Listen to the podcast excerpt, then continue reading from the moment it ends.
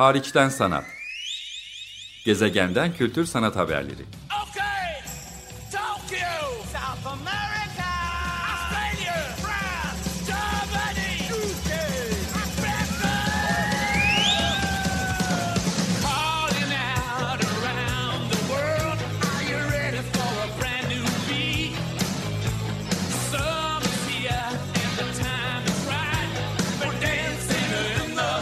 Hazırlayan ve sunan Çelenk Bafra Zorlu Holding Sürdürülebilirlik Platformu Akıllı Hayat 2030, herkes için daha yaşanabilir bir dünya diler. Merhaba, iyi haftalar. Açık Radyo'dasınız. Hariçten Sanat programında ben programcınız Çelenk. 2016 yılından beri, Nisan ayından beri Hariçten Sanat programıyla gezegenden kültür sanat haberleri getiriyorum. Ve bu vesileyle Açık Radyo'nun 25. yılıydı. Onu da e, kutluyorum. Çok daha büyük özel projelerle kutlanması bekleniyordu. Ama malum pandemi dönemi stüdyoya bile gitmek çok mümkün değil. Oradaki teknik ekipteki, e, program ekibindeki bütün arkadaşlarımı da tebrik ediyorum. Çok özledim stüdyoya gitmeyi, komşu programlarla e, yapan arkadaşlarla karşılaşmayı ve Açık Radyo ekibiyle bir arada olmayı elbette. Ama teknoloji imkanlarıyla bu kaydı yapıyorum. Bugün konuğum bir sanatçı Sena Başöz. Birazdan onunla söyleşi e, yapacağız. Bu arada e, eğer benim sesimden, konuşmalarımdan çok e, bıkmadıysanız da bir e, yarın e, hemen bu programın yayınlandığı günün ertesi günü yani e, 24 Kasım Salı günü e, BASE kapsamında bir konuşmada olacağım. Onu da bu vesileyle duyurmuş olayım. E, Base.isten bilgi alabilirsiniz. Genç sanatçılara yer veren Tophane Amire'de bir e, program bu. E, sergisi de var ama konuşmalar bu yıl orada da tamamen çevrim içi. E, yarın yani 24 Kasım Salı günü saat 3'te sanatta farklı kolektivite biçimleri için Ali Kerem Bilge, Beyzinde kurucu ekibinde ve Kolekta'nın kurucularından Saliha Yavuz, Omuz e, platformunu temsilen ve ben de Saha Çağdaş Sanatı Destekleme girişimini temsilen sanatta farklı kolektivite biçimlerini konuşacağız. E, onu da takip edebilirsiniz 24 Kasım Salı. Ama konumu daha fazla bekletmeden ona geçmek istiyorum. Sena şu anda bu kaydı yaparken Babakkale'de yani Türkiye'nin en batı ucunda. Ona e, hem teşekkür ediyorum hem de Kuzey Ege'de bol oksijenli, tuzlu, deniz tuzlu dinlenmeler diliyorum. Sena hoş geldin. Hoş bulduk Çelenk. Çok teşekkürler davet için. Ben teşekkür ederim sana. Ee, sen bu pandemi sürecini çok ilginç bir şekilde oldukça hareketli geçirdin. O yüzden Babakale'de olduğunu da vurgulamak istedim şu anda. İstanbul'da yeni bir yarı kapanma e, diyelim döneminden geçiyoruz. Böyle bir dönemde belki İstanbul dışında daha doğayla iç içe bir yerde inzivaya biraz çekilmek, dinlemek, dinlenmek çok çok iyi bir tercih. Hemen de oradan girmek istiyorum ama önce kısaca e, seni tanıtayım dinleyicilerimize. E, Sena Başöz bir sanatçı. E, İstanbul'da yaşıyor esasen ama birazdan bahsedeceğiz. Bu e, geçtiğimiz 9-10 aylık süreci farklı yerlerde de geçirdi çünkü. Görsel sanatlar e, alanında çalışan bir sanatçı, yönetmen de aynı zamanda. E, Boğaziçi Üniversitesi'nde ekonomi lisansından sonra Bard College'da film ve video bölümünde yüksek lisansı var. Pek çok sergiden onu hatırlayabilirsiniz ama biraz kişisel sergilerini ben vurgulayayım. Depo'da gerçekleşen kişisel sergisi çok yer edindi hafızalarımızda. Yakın dönemde de Krank'ta hemen bu pandemi döneminde bu sezonun başında Krank'ta bir kişisel sergisi oldu. Keza o da e, konuşuldu. Ama pek çok grup sergisinde e, ya da solo sergide yer aldığı gibi e, bazı rezidans programlarına da katıldı. Biri benim de kurucularından olduğum Site des Arts Paris'te. E, bir diğeri Atelier House Linz'de ve yine e, biraz önce vurguladığım Saha e, Derneği'nin destekçisi işbirliği yaptığı bir kurum olan Delfina Londra'da. Zaten buradan başlamak istiyorum. E, pratiğinin ne olduğunu da biraz hatırlatayım. Travma sonrası iyileşme süreçleri çok da manidar içinde geçmekte olduğumuz süreç için özellikle bakım, ilgi, doğanın kendi kendine rejenerasyonu, e, denge bu alanda. Bunlar ilgilendiğin konular içinde yer alıyor. Belki bunu da vurgularsam konuşacağımız konular dinleyicilerin gözünde, e, belleğinde daha iyi bir yer edinir. Hemen şuradan girmek istiyorum. E, girizgahta söyledim. Bu pandemi sürecinde hareketliliğin kısıtlandığı evlere ya da olduğumuz yerlere, bu ulusal sınırlar da olur olabilir. Kapandığımız bir dönemde e, sen oldukça hareketli de bir dönem geçirmiş oldun. Belki de tesadüfen belki öyle denk geldiği için. Ama öncelikle şununla başlayayım. Hemen pandemi e, dünyada yayılmaya başlarken ama böyle ilan edilmemişken henüz e, ilk süreci e, yani Ocak-Şubat aylarını sen bu yılın başlarını Delfina'da Londra'da bir rezidans programıyla geçirdin Sena. E, ve de aslında Mayıs ayında Block Universe adlı bir performans festivalinde Londra'da e, sergileyeceğin, buluşturacağın e, projen üzerine çalışıyordun. Tam rezidansı bitirdin, döndün ve zaten kapandık. Bu Delfina deneyimi senin için nasıl geçmişti ve o pandemiyle kapanma sürecine de oradan geçmek isterim. Ee, şöyle oldu aslında Çelenk. Demin bahsettiğim gibi bu 2018'deki depodaki kişisel sergim sonrası ben arşiv konusuna e, arşiv konusunu çalıştığım bir sergiydi ve rejenerasyon konusunu çalıştığım bir sergiydi aslında. Fakat sonraki süreçte bir buçuk sene kadar Hrant Dink Vakfı'nda 23,5 hafıza mekanının hazırlık sürecinde çalışmam benim böyle bu hani sanat aracılığıyla araştırmamı biraz pratiğe de dökmüş oldu. Bir arşivle yakından ilgilenmiş oldum. Hakikaten bir arşiv kullanarak bir hafıza mekanı oluşturulması sürecine bizzat dahil olmuş oldum. Bu tecrübenin etkisiyle Delfina'ya bir proposal, e, yani Block University'deki işi adı da slalom olan bu çalışmayı bu tecrübenin etkisiyle yazdım. E, ve ilginç bir şekilde e, bu proje son, dünyanın sonu ihtimalleri ve zamanımızın azlığı ve arşivlerin harekete geçirilebilirliği konusunu araştırıyordu. Londra çok verimli geçti. Tabii İngiltere biraz sömürgeci geçmişi nedeniyle de e, inanılmaz zengin arşivlere, müzelere, koleksiyonlara sahip bir ülke. Ben de büyük bir iştahla bunları e, gezerek geçirdim Ocak-Şubat aylarını. E, ve Mayıs'taki Mayıs, Mayıs'ta gerçekleşecek Slalom adlı performansı kurgulayarak geçti bu süre. Dediğin gibi tam Şubat'ın son günü döndüm. Ben döndükten 15 gün kadar sonra da e, bayağı ortalık karıştı. E, Delfina'da hatta diğer kalan residentları da yani bir 15 gün içerisinde herkes ülkelerine e, gittiler. Hani böyle bir sürece girdik biliyorsun. Dediğin gibi sonrası benim için tabii bir belirsizlik vardı havada ama yani her ne kadar bu Block Universe projesi ertelense de e, üç tane solo sergi gerçekleşen bir seneye dönüştü 2020. Hepsi de böyle son dakikaya kadar hatta bu en son Bazel'de gerçekleştirdiğim üç gün öncesine kadar acaba açılacak mı, açılmayacak mı, olacak mı, olmayacak mı şeklinde ilerledi. Ee, enteresan bir seneydi gerçekten. Öyle hakikaten. Block Universe şimdilik bildiğim kadarıyla önümüzdeki ilkbahara yani Mayıs'ta yapılacakken Mayıs 2021'e ertelenmiş oldu. Oradaki diyalog nasıl devam ediyor? Yani şu içinden geçmekte olduğumuz dönemde Mayıs 2021 bile böyle eskiden bizim alışkın olduğumuz anlamda bir festival, bir performans perform e, etkinliği buluşması için çok uygun hala olmayabilir. Oradaki diyaloğunuz devam ediyor mu? Öncelikle onu sorayım. Valla aslında ilk ertelendiğinde Mayıs 2021 bana çok güvenli bir erteleme gibi Evet. gelmişti. Hani aa iyi, çok iyi ertelediler yani böyle birkaç ay değil bir sene ertelediler diye. Şu an tabii biraz daha realist bakabiliyoruz olaya. Tekrar konuşmadık, bilemiyorum. Şimdi biliyorsun hep önümüzdeki sonbahara kadar bu yaşadığımız süreç devam edebilir. Aşının yaygınlaşması o zamanı alabilir deniyor. Gerçekten belirsiz aslında. Fakat benim için şöyle bir şey oldu. Yani böyle bir şey yarıda kalmış gibi hissetmedim yani. Arşiv ve rejenerasyon konusunu çalışıyordum. Hani İngiltere'de buna yoğunlaştım, yoğunlaştım. Hani meyvasını tam toplayamadım gibi oldu ama mesela İstanbul'da yaptığım kişisel sergim de bu araştırmanın bir kolunu tuttu. Sonra Kore'de bir e, kişisel sergim oldu. O da aynı şekilde ve en son Bazel'deki residency, iki aylık residency'ye gittim Bazel'de de. Ve bunun sonundaki sergide yani aslında ben aynı konuyu çalışmaya, araştırmaya devam ediyorum.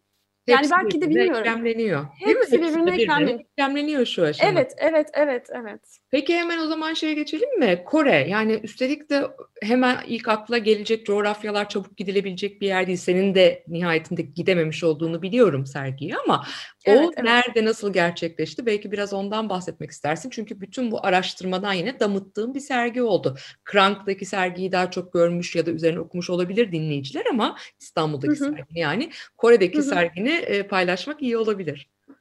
Evet yani benim için de aslında sürpriz oldu. Şöyle ki 2019 yılında e, depo aracılığıyla e, yani e, biz Art Basel sırasında gerçekleşen liste sanat fuarına katıldık. Yani depoyu temsilen dört sanatçı olarak. E, ben de Furu adlı işimi gösterdim. 2018'de kişisel sergimden bu böyle İstanbul Saint Joseph Lisesi'nin e, doldurulmuş hayvan koleksiyonundaki kuşları işte vantilatörler aracılığıyla canlandırdığım diyeyim. Ya bir arşivi aslında canlandırdığım bir işi gösterdim. Bu listedeki görünürlük benim için böyle önemli bir görünürlük oldu. Hem Kore'den bir sergi, yeni kurulacak bir sanat mekanını bununla açmak istediler. Böyle açmak istediler. E, tasarım üzerine çalışan bir ekibin sanat mekanı Monoha Seungsu adında. E, hem de Bazel'e yani Bazel'deki bu residency ve sergi de yani oradaki bir karşılaşmanın e, yine sonucu. E, aslında Kore'ye gidecektim yani öyle konuşmuştuk. Hı hı. Mayıs'ta Londra'daki performansı gerçekleştirip Haziran'da Kore'de bu sergiye gitmeyi aslında çok istiyordum. Çok merak ettiğim bir coğrafya Kore. E, fakat sonra iptal oldu herhalde olmaz diye düşünürken onlar yine de sergiyle devam et. Burada durum iyi dediler. Bir noktada biliyorsun Asya toparladı kendini. Evet. Biz en kötü durumu yaşarken onlar bizim böyle bir adım ötemizde gibilerdi. Dediler ki burada durum iyi, biz bu sergiyi yapmak istiyoruz. Ama bu sefer de şey mümkün değildi, işleri göndermek. E, çünkü kargolar da durdu, tüm havayolu transferleri de durmuştu. İşleri tekrar orada ürettiler. E, Baskı aslında, yani Furu zaten e, kuş fotoğrafları yani doldurulmuş kuşların fotoğraf onları bastılar, ventilatörü oradan buldular. E, Firu'nun yanı sıra kutular adlı işimi orada direkt ürettiler. Hani bir tasarım e, backgroundları olması aslında işe yaradı. Yani bir üretim şeyleri var, yatkınlıkları vardı. E, bir de üçüncü bir iş olarak orada aslında Krank Galeri'de Nisan'da açılacaktı aslında galiba. O da ötelendi. O sergi için hazırladığım videom kutuyu da yani video işi olduğu için onu zaten transfer etmek bir problem olmadı bu şekilde kurgulanan işte adı da Hold On Let Go yani tutun ve bırak olan ve denge e, üzerine çok böyle metni denge üzerinden yazdığımız bir sergi gerçekleştik. Ben gidemedim ama orada böyle bir sergi gerçekleşmesi bana çok iyi geldi. Çünkü her şeyin durduğu bir anda, ben işte Denizli ailemin yanına taşındığım bir anda, Orada böyle çok uzaklarda insanlar benim işlerimi görüyor. Instagram'da tagliyorlar, işte bir şeyler yazıyorlar Korece onları translate edip bakıyorum. Ee, iyi geldi bana yani böyle iyileştirici bir şey oldu. Sonrasında bu şeyin de iptal olduğunu düşünmüştüm. Bazel'deki residency iki aylık. Onu da Temmuz-Ağustos diye planlamıştık. Çünkü nehirle ilgili çalışmak istiyordum. Arşiv konusunu, akış karşısında ne saklanabilir teması etrafında nehri bir metafor olarak kullanıp çalışmak istiyordum. Nehre de girebilmek istiyordum. Nehri anlamak istiyordum. Yani çok nehir tecrübem yok. O yüzden hava sıcak olmalı diye düşünüyordum. Ee, yani o da mümkün olmayacak gibi geliyordu ama bana böyle bir çalışma vizesi çıkartıldı. Ben böyle bir sanat işçisi olarak Ekim-Kasım ayları işte 15 Eylül 15 Kasım arası oradaydım. İşte bir hafta oluyor hemen hemen. Dönemi. Çok enteresan bir dönem. Olmadı Çünkü bile. yani bu dönemi e, sergiler de var. Tabii birebir üretim ve sergilemeyle de geçirdiğin gibi çok farklı coğrafyalarda evet. daha uzun süreli orayı yaşayıp deneyimleyecek hem de pandeminin öncesi, sırası ve yine belki ikinci dalga esnasında geçirmiş oldun. Yani ilki Londra'da hemen pandeminin dünyada konuşulmaya başladığı dolayısıyla bir tedirginliğin olduğu ben döndükten 15 gün sonra bütün rezidentları e, oradaki misafir sanatçıları e, gönderdiler diyorsun. Sonra zaten Delfina 4-5 ay kapalı kaldı Londra'da. Evet, Hiç, evet. Bütün Londra'daki bu tarz programlar, sanatçı, misafir sanatçı programları. Hemen öncesinde orada ve tabii ki onun sonuçlarını görebileceğin asıl performansı ortaya çıkartan festivalin önce bir yıl ötelenmesi, şimdi hala o diyaloğun belirsizliklerle haliyle devam etmesi.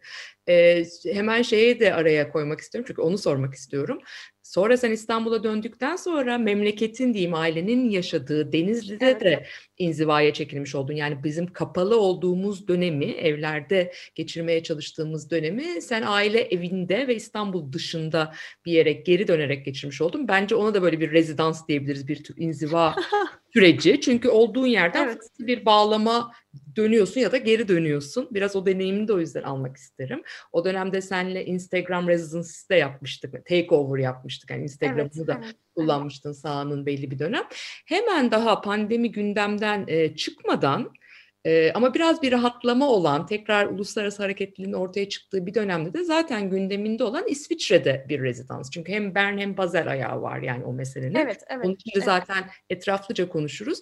Bütün bu farklı farklı yerlerde olmak, yani asıl İstanbul'dasın sen tabii ki. O sana nasıl hissettirdi? Denizli döneminin e, senin hani düşünsel o süreci geçirmenle ilgili nasıl etkisi oldu? Biraz da onu konuşalım. Sonra hemen İsviçre'ye geçeriz.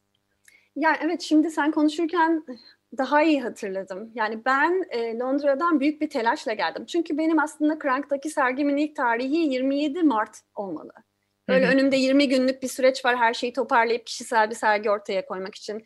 Yani Londra'da kurumsal arşivleri çalışıyordum. Crank'taki sergim bir teselli kişisel arşivimle başa çıkmakla alakalı. Yani olayın kişisel boyutunu tutan bir e, durağıydı bu araştırmanın diyeyim.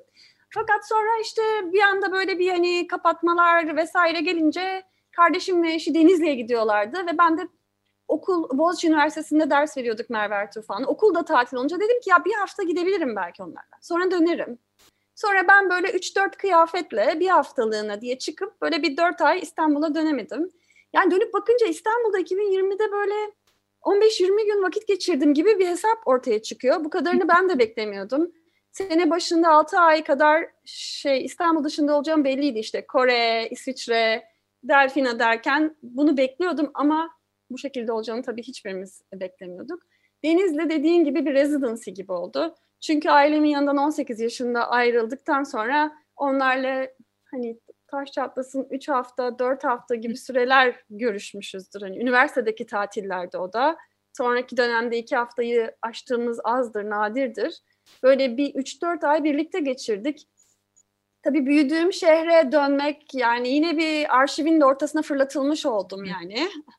Ee, beş harflilere bir yazı dizisi yazmaya başladım orada. İlimiz Denizli başlıklı. Üç tane yazdım ama devamı gelecek gibi hissediyorum. Orada da bir böyle geçmişle hesaplaşma gibi oldu. Bir boşluk hissi de oldu. Kesinlikle pandemi süreci çok zordu. Yüceltmek istemiyorum ama boşluğun sanatçılara iyi gelen bir tarafı oluyor. E, Böyle bir yaratıcılığı arttırıyor diyeyim. Yani öyle bir yanı da var. Ya hepimiz için çok hesaplaşmacı bir dönemdi. Sen de biliyorsun. Hı hı. Çok yüzleşmemiz gereken, önceliklerimizi sorgulamamız gereken bir dönem oldu. Ee, böyle buna da böyle hani köklere dönüp yapmak benim için böyle çok yoğun bir tecrübeydi Denizli'de olmak yani. Denizli sonrasında işte İsviçre olayının gerçekleşeceği belli oldu. Bu Kore işi falan ben Denizli'deyken oldu. Sonra İsviçre'ye Allah Allah gidiyor muyum acaba diyerek yine böyle üç gün öncesinde vizeler çıkarak gittim. Oraya gittiğimde ilk şey beni etkiledi. Pek pandemi bizim kadar yoğun yaşanmıyordu orada. Maskeler takılmıyordu. Sokakta herkes sarılmaya çalışıyor bana ben kaçıyorum gibi böyle bir bir adaptasyon süreci yaşadım. Fakat sergi e, 31 Ekim'de açıldı oradaki kişisel sergim. Sergiden bir hafta 10 gün kadar önce orası da bir paniğe girdi ve şu an onlar da kapatmalara. Pazartesi restoranlar orada da kapanıyormuş. Ee, yani yine bir şey stresi oldu yani olacak mı olmayacak mı bu belirsizlikle üretmeye devam etmek ve yani orada da bir arşivler üzerine çalışmama devam ettim. Çok fazla röportaj yaptım. İşte bir yayın üzerine çalışıyorum e, biliyorsun. Hı hı. Ee, ama sergi olacak mı olmayacak mı yani bu ürünü gösterebilecek miyim? Araştırmamın sonucunu gösteremeyecek miyim? Belli değildi. Neyse ki açıldı. Ee, sonra da bir hafta kadar sonra Bern'de bir grup sergisine dahil oldum. Harika. Hemen onların içeriğini konuşalım. İlki Tamam. Bazar'da senin zaten iki aylık bir rezidansına da vesile olan ve kişisel sergini Hı hı. ağırlayan Lord Semark Pro- Projekte. Umarım doğru telaffuz ediyorum. Ee, Ve Evet. sonrasında da daha önce Larissa Arız'ın e, sergisinden de bildiğimiz e, başka bir e, proje mekanda da bir grup sergisi. O biraz daha böyle güzel bir şekilde çıktı değil mi? Bern'de, Kunstraum, Drivertel'de. Evet, evet, evet. O da o da güzel bir vesile oldu. O da 6 Kasım'da e, açıldı. Umarım hani Evet. son- sonuna kadar devam ederler. Çünkü bir Aralık'a kadar aslında Ars e, Oblivionis'in devam etmesi bekleniyor. Evet, Şimdi evet. içinden geçeceğimiz süreç ne gösterecek onları e, çok bilemiyoruz. Hiçbirimiz bilemiyoruz şüphesiz. Ama nedir her iki sergiden de bahsedebilir misin bize hem kişisel hem grup sergilerinden? Tabii ki bahsedebilirim. E, kişisel sergimde dediğim gibi e, Ren Nehri'ni bir metafor olarak almak istedim. Böyle tek yönlü akışı olan türbülanslı bir varlık olarak. e, böyle bir zamana dair bir metafor gibi ele aldım. E, ve tutmak, bırakmak, saklamak, akışın karşısına ne saklanabilir sorularından yola çıktım. Röportajlarla ilerledim. İki tür insanla röportaj yaptım. Bir profesyonel arşivciler, işte Tingley Müzesi'nden, Kunst e, halleden, e, Roche arşivinden, yani şehrin İsviçre'nin saklamak için yeterli kaynağı var yani biliyorsunuz. Varlıklı bir ülke Hı hı. ve çok zengin arşivleri var. Bu arşivleri iyi, iyi durumda tutacak kaynakları var. Ve yani bir şehir ne tutuyor, nasıl tutuyor? Onlar son ihtimalleri hakkında ne düşünüyorlar? Son ihtimalleri bu kadar realken saklamayı nasıl anlamlandırıyorlar, nasıl motive oluyorlar? Arşivcilerle bunları konuştum. Bir de e, yani Türkiye'den gelmiş biri olarak Türkiye'li göçmenlerle röportajlar yaptım. E, çünkü göçmenlik de böyle çok akışkan bir varoluş yani kök yeni salınıyor veya salınmaya çalışılıyor gibi. Onlara da ne saklamak istediklerini sordum. Yani bu böyle daha kurumsal arşivlerin dışında kalan bireysel hikayelerle de ilgileniyorum. Sözlü böyle- tarih gibi biraz tabii değil mi? Sözlü tarih gibi hikayeler saklamak istediler. O hikayeleri paylaştılar. Tecrübeler, nesneler, bir şarkı. Ee, bunlar da benim için çok ilginçti. Ee, bunları yaparken de bir yandan işte bunu mekansal olarak nasıl yerleştirebilirim bunu düşündüm. Ee, Bu yayınla da ilişki halinde bir mekansal yerleştirme e, ortaya koydum. Bir tane de oradaki araştırmamın metaforu olan bir video çektim Ren Nehri'nde. Ee, ve bir tane de video buradan taşıdım. Yani o Kutu adlı video Kore'de ve bir tesellide yer alan video bu mekana da yerleşti. Bu şekilde bir kişisel sergi kurguladım. Ee, Bern'deki iş ise e, oradaki serginin adı Transitorische Turbulenzen. Almanca işte böyle geçici türbülanslar gibi bir başlığı var. Ee, ve 4-5 sanatçının yer aldığı bir sergi. Ee, bu sergi için işimi önceden seçmişlerdi. Silgi adlı işimi seçmişlerdi. O da hatırlamak, unutmak üzerine bir çalışmam. Böyle dev boyutlu 80'lerden hepimize tanıdık olan pelikan bir silgi şeklinde bir enstelasyon diyelim. Onun bir de bir radyo anteni ve bir sesi var. Ee, yani silgi doğası gereği silmek için Hı hı. yapılmış bir e, aygıt diyelim ama Çok e, sildikçe de yok oluyor. Tabii. Çok sembolik. E, sildikçe kendisi de yok oluyor. İşte bunun üzerinden biraz unutmak, hatırlamak, hani e, travma sonrası kopmak, işte e, George Perey'in hayatından esinlenerek kurguladığım bir çalışmaydı aslında bu. Travmatik çocukluğunu unutması ve onun yerine başka bir anı, e, bir kurgu bir anı üretmesi üzerine yazdığı W ya da bir çocukluk anısı diye bir kitabı var. W onun kurguladığı distopik bir ülke ve çocukluğunu hatırlamıyor. Çocukluğundan çok gereksiz detaylar hatırlıyor. Perdenin deseni gibi ama annesini babasını hatırlamıyor. Onlarla tek bir anısını hatırlamıyor. İkinci Dünya Savaşı'nın travması nedeniyle onları silmiş. Ben de bu silmek, hatırlamak, bağlanmak, kopmak e, üzerine düşünürken bu silgiyi George Perey'in bir portresi olarak ortaya koymuştum. Bu sergide de bu geçicilik, kalıcılık, unutmamak, unutmak, hatırlamak temaları vardı grup sergisinde. Ee, bu nedenle bu silgi işimi de taşıdım yanımda bizzat hatta. Harika. Çok da ilginç bir sergi. Burada e, 6 Kasım'da açılan bu e, sergiden biraz daha bahsedelim. Kunstraum Drivertel'de e, daha önce Hı hı. Larissa Aras'ın o, e, söyleşi yaptığım bir diğer sanatçının orada kişisel bir sergisi olmuştu. Geçtiğimiz yıl yanlış hatırlamıyorsam belki de bu zamanlarda hatta. E, ve bu bir e, grup sergisi geçici türbülans olarak Türkçeleştirebiliriz. Ben de şimdi Almancasını telaffuz etmeye zorlanmayayım. Ama bu sergide böyle bayağı farklı kuşaklardan, farklı coğrafyalardan sanatçılar var. Yani Marcel Broders var her şeyden önce. Evet. Ee, evet. Joseph Lowing var, Herbert Starek var, George Steinman var. Ee, Hı hı. ve de senin kişisel sergini de ev sahipliği yapan Lord Stremark tarafından organize edilmiş bir sergi. Hani diğer sanatçıların işleriyle kendi işini bir arada görünce neler hissettin? Sergiyi genel olarak nasıl buldun? Belki biraz bundan bahsedebilirsin Sena. Sonrasında da galiba programda bize ayrılan sürenin sonuna gelmiş olacağız. Tabii ki. Yani benim için aslında Marcel Brothers e, çok enteresan bir bağlantı oldu. Beni davet eden e, Janine Stoll bir sanat tarihçi ve Lost Remark Project'inin kurucusu. Kendisi doktorasını Marcel Brothers'ın işleri üzerine yapmış. Hmm. Aslında listede benim onların dikkatini çekmemin nedeni de Marcel Brothers'ın kuş takıntısı. Evet. Onun da bir böyle şeyi var. e, ne Eagle e, Department of Eagles müzeden bütün e, kuş e, imgelerini toplayıp böyle bir müze kurguladığı bir çalışması var ve böyle bir onun da tekrar eden bir kuş, yumurta, e, Evet, light motif gibi adeta işte. evet light motifi var diyelim.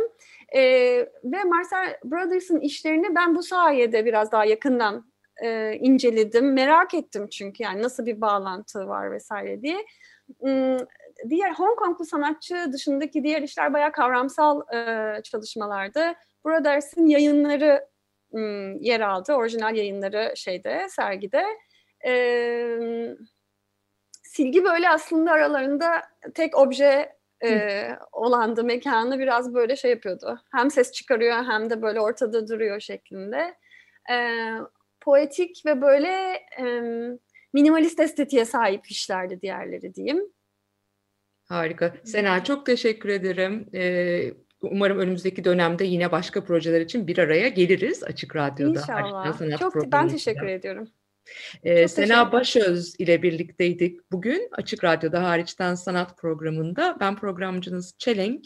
Ee, kaçırdığınız bölümleri Açık Radyo'nun web sitesindeki kayıt arşivinden, Hariçten Sanat programının kayıt arşivinden ya da Spotify'dan yine Hariçten Sanat olarak bakarsanız dinleyebilirsiniz. Yayından birkaç gün içinde hemen orada arşivde yer alıyor diyelim. Önümüzdeki hafta görüşmek üzere, hoşçakalın. Hariçten sanat. Gezegenden kültür sanat haberleri. Okay,